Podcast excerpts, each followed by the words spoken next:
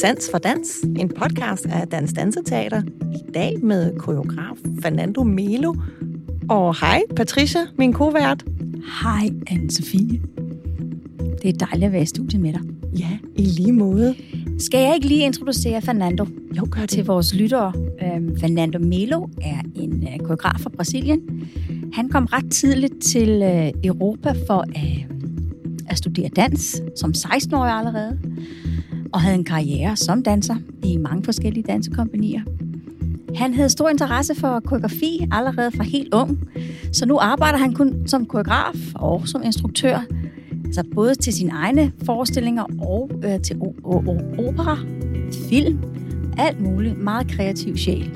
Han har jo været med os i studiet øh, og arbejdet med vores dansere og det har været utrolig inspirerende. Ja, og det har også bare været super dejligt at have ham i huset. Han er et virkelig skønt menneske, og jeg er også så glad for, at øh, vi fik noget mere tid med ham, at vi ligesom kunne spørge ham om hans proces og hans tilgang til dans. Der var virkelig mange inspirerende ting. Jamen det, som han kan, jeg er jo med Fernando i studiet som prøveleder, og det, som han kan, han er virkelig, virkelig god til at motivere. Fordi det, vi arbejder med, det snakker vi også om i, øh, i, øh, i, i podcasten, det er jo, at han, han arrangerer rummet, han koreograferer rummet. Men det, det har vi jo snakket om.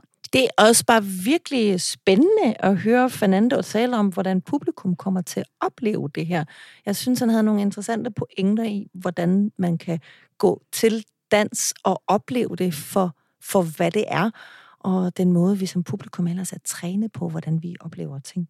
Mm også hans inspiration, som jo er en, en, en stor dansk inspiration også, og det er jo Hammershøj, maleren Hammershøj, øhm, som hænger op på Ordrup Gård, lidt øh, nord for København. Og hvis man har lyst til at se nogle af de billeder, inden man skal se forestillingen, så synes jeg, at man skal gøre det, for han er virkelig en fantastisk maler. Ja, og det øh, var jeg virkelig nysgerrig på, hvordan han omsatte sådan nogle sådan nogle øh, øh ret øh, statiske rumbilleder til en levende øh, koreografi i, øh, i Leaning Tree. Det her værk, som man altså er ved at arbejde med os nu, og som vi øh, får premiere med i øh, oktober i Skuespilhuset, så senere år. Men øh, vi har glædet os til at præsentere vores samtale for lytterne.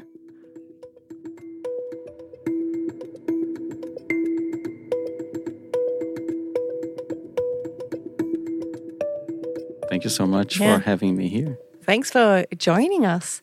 And uh, Fernando, I wonder how, how you actually got started with dance. Like, what was your first experience and what got you hooked about it?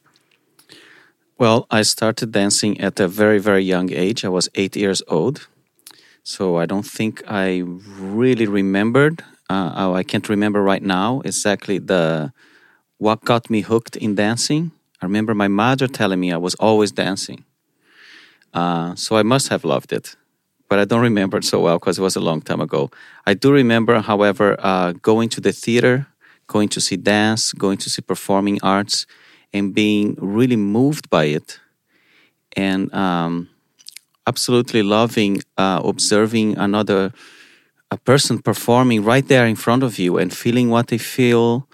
So that became uh, a passion of mine and I became a dancer, and then I became a choreographer. So I became a theater maker and a theater lover. So you saw it and thought, I want to do this. I want to be able to do what they do, and I want to feel what they feel. Yes, and I want to recreate it also and show it to other people, so other people can have that feeling. Mm. Perhaps even like better because I discover something new. You know. Do you remember what you first saw in the theater? I mean, like specifically was it something that really caught your eye when you were in the theater? Well i remember yeah i remember going to see um, classical ballet performances but also uh, acting theater no play for kids. Mm-hmm. and i remember just loving being in it. Like it, it didn't matter what uh, genre it was. It was uh, being in the audience and then already uh, looking at the lights understanding how things are done. I was always very, very, very curious about it. Also, when I started dancing, I was always hanging out with the technicians, you know. so you're, uh, you're actually taking the whole process, and it's not just the movements on stage, right? Exactly. Yeah. I mean, I'm really interested in the whole apparatus, like what has the uh, a, theater or theatrical elements and uh, and music and lights and how can I make use of all these elements to create uh, uh, these images. And why did you end up in contemporary dance? Why not classical ballet, for instance? Also stage art? Mm-hmm. Well, I did start with, I mean, I started with everything. I was really lucky. I had a very, very eclectic uh, upbringing, upbringing in education. I studied uh, singing, uh, jazz, flamenco, acting, you name it. We did everything back then in Brazil. And um, I came to Europe when I was like at the peak of my um, ballet training um, period. You know, doing variations, doing you know competitions and things like this is how I got a scholarship. And of course, I was ballet trained, but uh, there's, there's something about contemporary dance that um, it as a means of communicating ideas, thoughts, and feelings, where the body is the center still. Um, there's something interesting because ever so often you understand dance when you're watching it, contemporary dance specifically, almost like you're on a level of like grasping meaning. You you uh, you're not able to put it into words really what what you see. You just understand it somehow through your senses. There's also this huge catalog of movements. Like in ballet, you have like shaped things that you can do, and in contemporary dance, it's like there's no limit to what the body can do. Yes, and even as a definition of dance, what is dance? Is walking across the room dance already?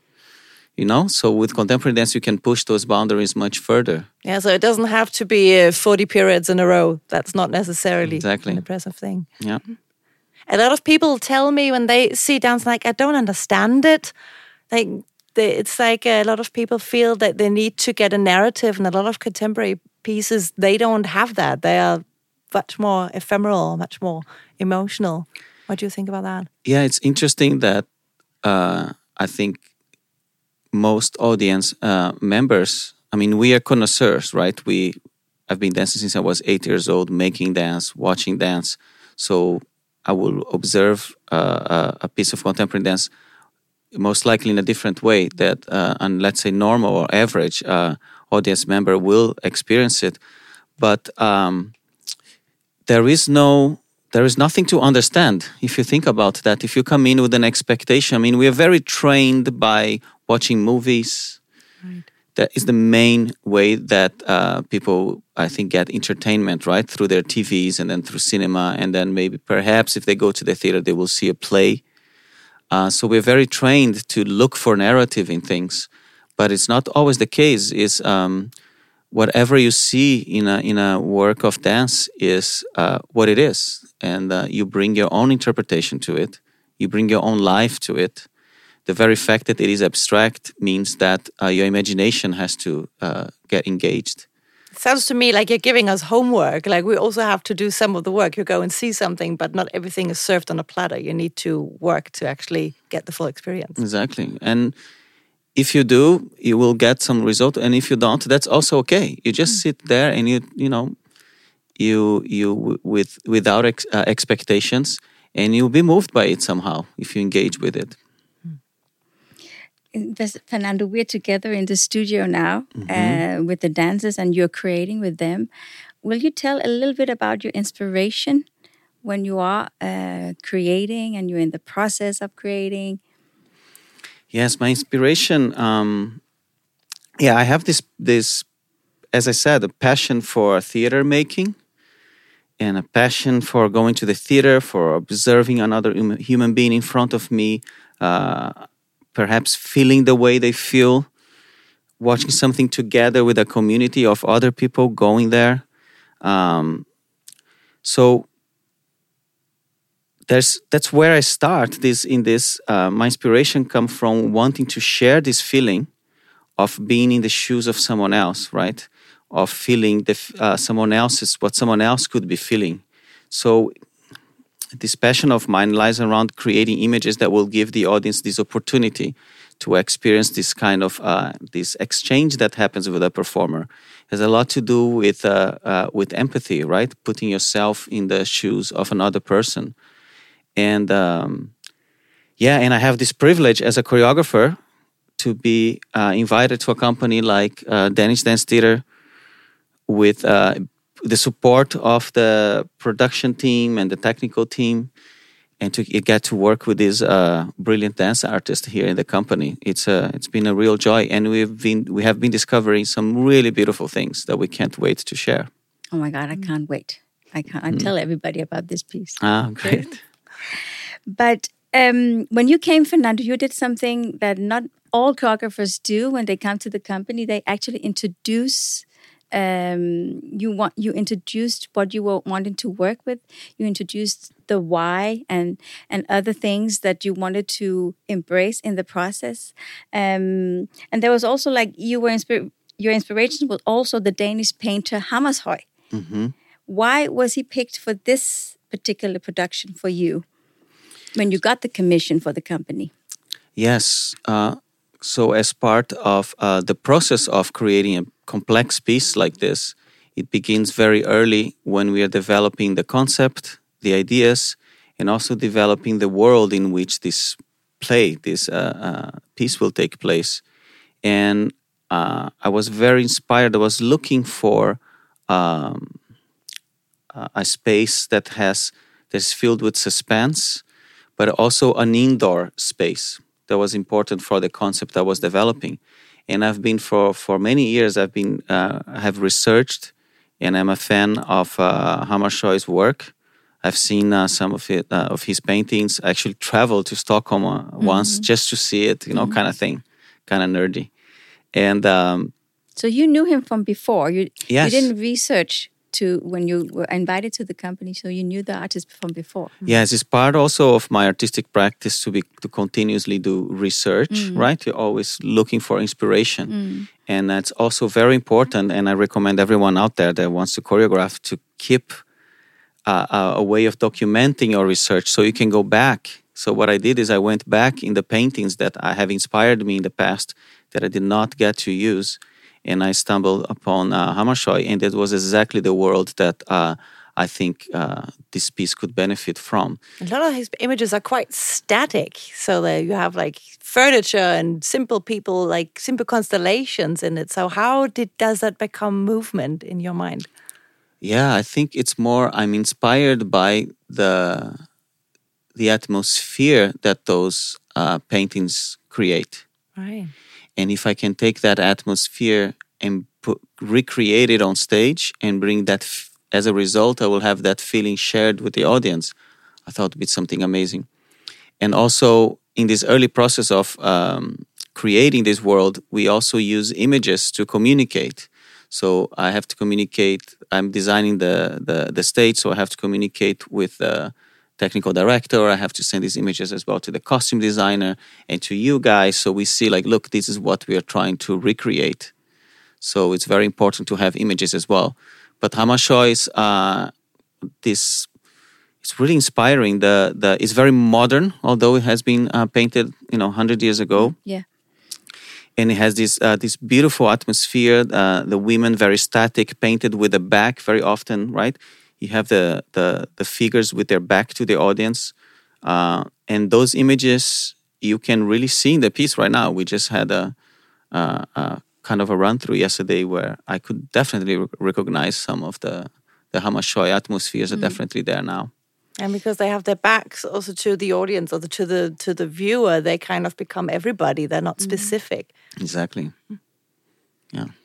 And also, you don't have any any music in this piece. Like a lot of choreographers I've met, they come, I want to choreograph to this piece because the music is inspiring. And we, uh, maybe it's our fault actually, because we gave you the task to not have music because we wanted to commission a new piece by Signe Lykke, a composer. And we, so we're going to go full on with this and going to go with a symphonic orchestra Copenhagen Phil. So the music doesn't exist yet. How, how is that for you?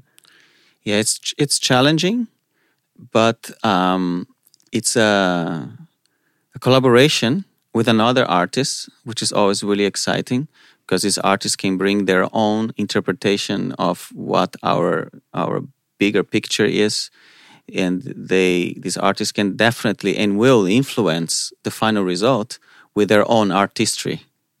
So that's something very special. Of course, there's the practicality of uh, rehearsing without music, poor dancers, and uh, but because knowing that it's going to be uh, the work's going to be created this way that the, the, other way around in a way we're creating the scenes and creating the atmosphere and then Signe Lykke is coming then and uh, uh, adding the sound to it a sound that will support the already existing atmosphere. So actually she gets inspiration from what you're already doing. Exactly. And we have lots of conversations you know lots of talks where she explains me her concepts i explains i show her videos and she comes to the rehearsal. So we have been working really well really closely together.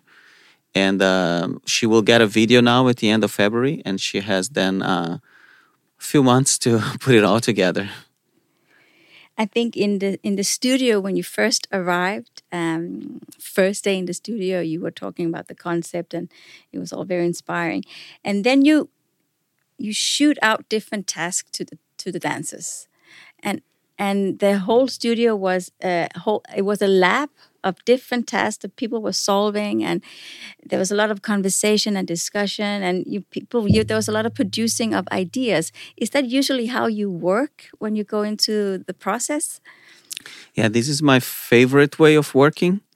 Um, by beginning with this kind of exploration phase and we also and we called it like exhaustion of possibilities. Mm. so we try all possibilities that we can think would match the concept that we're doing.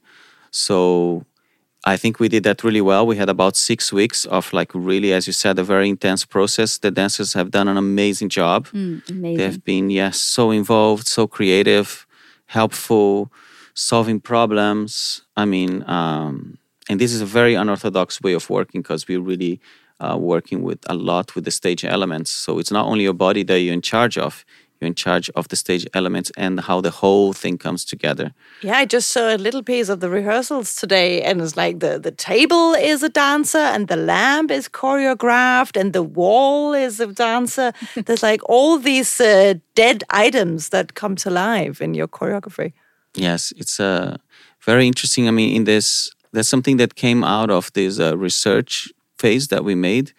I think we made various little beautiful little discoveries, and one of them, which is which is what you are you're uh, mentioning now, uh, is this interaction between the stage elements that we designed, right, and the bodies of the dancers, because when we get it right, uh, this collaboration this uh, between the bodies of the dancers and the stage elements has it has a potential to create some really interesting like perspective changing like images. I think that's our most uh, important discovery and it became then really a center of point of the piece. How does it change the perspective? Because things are uh, not quite how they seem. Uh, like a wall which is supposed to be stiff, starts to become a soft. A chair moves differently. A table is, you know, acting uh, things. There's is a little bit like a, a kind of a sur- surreal situation. Is the real acting a little bit strange? I also had a feel that you work a lot with timing. Like it's maybe a little bit slower than it would be in real life, or a little bit faster also yeah changing perspective of time and the duration of things stretching them it's also part of this game of, of perspective. Time we play with gravity a little bit we play, play also part of this perspective game. Uh, we have two spaces. Uh, we have a wall that divides the space with a, uh, between the front space which we call like a, a facade that's representative of your outward appearance and there's another space which is the backstage, the behind the wall that represents more our inner space or like our something that's really going on inside. And the choreography constantly shifts back and forth between these two spaces, and the audience gets this new perspective or new viewpoint on a scene they have already seen over and over again. Very cheeky. Yeah, it's uh, it's interesting because I find that uh, the audience engages with the work differently at this point. They have to make sense of what they see. Look, wait, I've seen this already, but it's different. So I got them in that moment because they are they engaged the with the piece. Yeah, yeah. It is the homework. Yeah, you are actively uh, playing a role of uh, interpreting what you see. Patricia, we talked about yes. We talked about the why is it actually not actors on stage? Yes, we because did. in We this talked piece, about there's that this, because somebody there's- asked me when I was explaining about the piece, like, why are you just not using normal people or actors or other people who are engaged on, on the stage? And will you answer that, uh, Yes, I, Fernando? I can't imagine another uh, human being or profession or kind of person that would be able to do a piece like this if not a professionally trained dancer. And there are various reasons for it. Can go on and on. The, of course, their musicality, their understanding of their bodies, the timing, uh, also their artistry, the artistry. They are artists. So when I, when we come in the room with a, a, a problem to solve, it's not a problem to solve. It's an artistic um, statement that we're about to create. So, and um, also the discipline of uh, I was. Um, we had a dancer, for example. I believe the entire last week has been behind the wall the entire week, pushing that wall back and forth But to precision. Yeah, to precision. amazing you know the dedication that it takes and every time it gets better. Um, so it requires a, a work with an artist. And um, plus the trained bodies uh, not, nothing on this piece is digital. Everything is completely analog. It's the human body in motion that creates the motion right it's still the center of of the piece is the bodies of the dancer that gets everything going so it requires a very trained body and a true artist to be able to pull this through. And I'm amazed by the work they're doing. I just looked at the cast list on the way down, and I love that you have like a carpet person and mm-hmm. wall one, two, three. Those are like the names of the characters in this play. Mm. Yes. So very practical. No, and it's all ev- everybody's equally as important as you are dancing in the front with the light on you, or if you're moving the wall to the most beautiful way that it can move. Because I think that's really democratic. It, mm-hmm. you can't do this solo can't be done without the people behind the wall moving the wall in in this way that Fernando wants to move. It's it's it's it's really really beautiful, and you actually feel when I talk to the dancers after the rehearsal, it's like I actually feel that I did something today, like you know because you can. As a dancer, you can be in a rehearsal and you can dance your ass off, but you feel like maybe you didn't achieve anything. But actually, here it's like they really feel like, oh, we achieved something together hmm. today, and that's the feeling that Fernando can do in the rehearsal. is absolutely fantastic. The pleasure of you doing something and you can actually see the result, like Yes. painting a wall. Yes, mm-hmm. exactly. yeah, You're this getting piece, this little bit tighter and a little bit better. Yes. And everyone is busy all the time. Uh, it takes everybody's effort and sync the s- synchronization of actions in this piece is insane. yeah, because you don't have, really have any solos or duets like you see in other dance pieces, right? In that sense, it Not seems in- like everybody is involved all the time. Yeah something. i don't i can't think of a scene where there isn't like something crazy going on in the back simultaneously as i think it's even more intense what happens behind the scenes than what's happening in front in order for it to look like magic Yeah, so some people are on the front stage and other people are working backstage, but Yeah. both is like important to make make the work go round. hmm It's beautiful.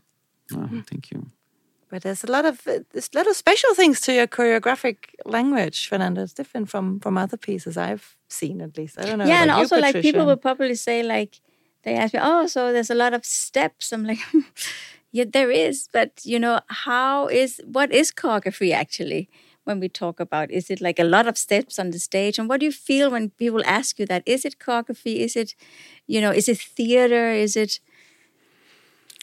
yeah i think it's beautiful to be able to blur the lines between genres um, i think i see i mean in my definition of choreography it's not only generating sequences of movements for example i think choreography can do much more than that we can create worlds we can communicate ideas we can move people so um, the and I forgot what I was going to say. the um, I forgot. Can you ask your question again? Yeah, the, your definition of again. choreography. Yes. So in my definition of choreography, ideally, choreography has something to do with organization. So when I can properly organize the elements on stage, I can organize the body of the dancers, I can orga- organize to the sound and the light, the entire apparatus. I can then I have tools to move the audience, you know, to create an image that people will relate to. Mm. So yes, is it dance? Is it not dance? Well, I'm organizing the space in a choreographed way. I'm choreographing the entire space and the bodies in space. So yeah, I think it's definitely choreography, but definitely not the conventional uh, No. definition of it. Oh, I love that. To a spreadsheet person like me, I love that you you work use words like organizing, but you make it art. Yeah, like organizing, putting things in system, but the result is art. Yeah, yeah. Is that you think what's next for contemporary dance? Like, where is that going as an art form? Not only in your work, but in general, where are we going with that?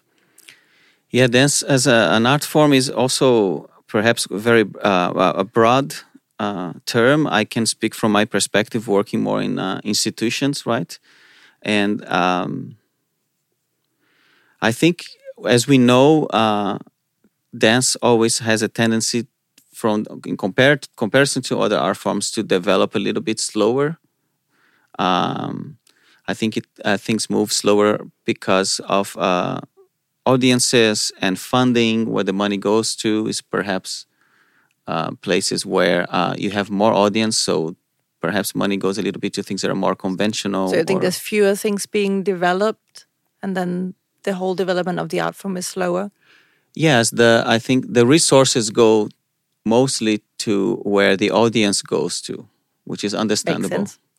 So, but there is some resource that also goes to developing the art form, and there are some people out there that are really pushing it. And so it just moves a little slower than perhaps other, but there's nothing wrong with it as long as it's moving forward. I think it's okay. Is it speeding up? You think? um, I think, yeah, what a new element that is brand new and we don't know the result yet that can has made things move a bit faster has been social media for sure. Um, when I, when I was a kid, we would like steal each other's VHS and make a copy of the copy of the copy. Yes. Get those horrible quality videos. um, yes, but we did what we could to get our hands on some dance. Nowadays, it comes to you to your phone. You watch 30 seconds. If you don't like, you swipe. Um, and I think, and I experience that when I go uh, around the globe, you know, choreographing or teaching workshops or master classes, there I see how the young generation has is now more and more uh, consuming, in a way, dance differently. So I have like more frames of references Yes. today. Yes, they know things as well. Also, not only like movement as well. They are able to do things that, for example, I've been to the states and I could see the style of uh, uh, the choreographer that is very popular in Israel, being very popular in the. It's already absorbed in the body of dancers in the United States. Before you would have to experience that by having to work with that person or an assistant that work with that person. Today, it comes to you. It You are globally. Yes, yes. So dance is somehow uh, is definitely being consumed faster, and I'm still not sure what the result of that new kind of consumerism will be. So we have a lot of digital dance. Do we still need to go to the theater then? Definitely go to the theater. Yeah, that's the place where you Definitely go to the theater. where things agree. happen. Especially Skuespilhuset in Copenhagen, 21st of October 2023. We will have our premiere there. Yes. New work by Fernando Melo with music by Signe Lykke. Amazing. Thank you for joining us, Fernando. Thank it was you a so pleasure much. talking to you. It's been Thank great. you. Nå, Patricia, det var vores første podcast-episode. Ja, det var det. Det var sjovt at snakke med Fernando. At Han er jo bare virkelig inspirerende, og han har tænkt så meget over tingene, men der er virkelig ligger så mange tanker bag det, han gør. Ja, og det er helt fantastisk, fordi han er jo ligesom, kan man sige, øh, et kropsmenneske, hvis man må sige det ord. Men det ved jeg ikke, man må. Men altså, han er så god med ord også at forklare til danserne, hvad der skal gøres. Og han, ja, som sagt, som han selv siger, jeg organiserer og jeg motiverer. Og det er virkelig det, han gør i rent praksis. Det er en fornøjelse at være med ham i studiet. Og det er virkelig spændende at høre, at dans netop også kan være noget, der er i rum, og den måde, han sætter bevægelse til afstand og tid og genstanden. Det er Jamen, så meget mere end Ja, bare... det, det er det nemlig, det er nemlig så fedt, fordi jeg elsker, altså Fernando og jeg er lidt den samme uh, generation, og når vi snakker sådan i studiet, så er det Matrix, så er det Inception, så er det Michael Jackson, så, så måske næsten alle. Altså, ja, men, og det er det, han laver i studiet, og, men det er helt analog. Det er altså virkelig, virkelig fedt. Ja, det er virkelig Ja, old school på det en old fed måde. Ja, på den, er det er Ja. teatermagi på den fedeste måde. Det var super fedt at Ja. snakke med ham. Denne podcast er produceret af Dansk Danseteater. Idé og tilrettelæggelse Trine Rense Laversen, Charlotte Gækler og anne Sofie Gertz. Musik er Mikkel Larsen. Grafik er af Søren Meisner. Lydoptagelse og mix Mikkel Larsen. Projektmanagement Gratia Schiavone. Bag mikrofonen havde vi Patricia Seron Paulik og anne Sofie Gertz og vores gæst Fernando Melo. Tak til Det Kongelige Teaters Lydstudie. Hvis du kunne lide det, du har hørt, så spred gerne ordet, og har du lyst til at give os en rating i din podcast-app, så hjælper det os også med at komme endnu bredere ud med Sans for Dans.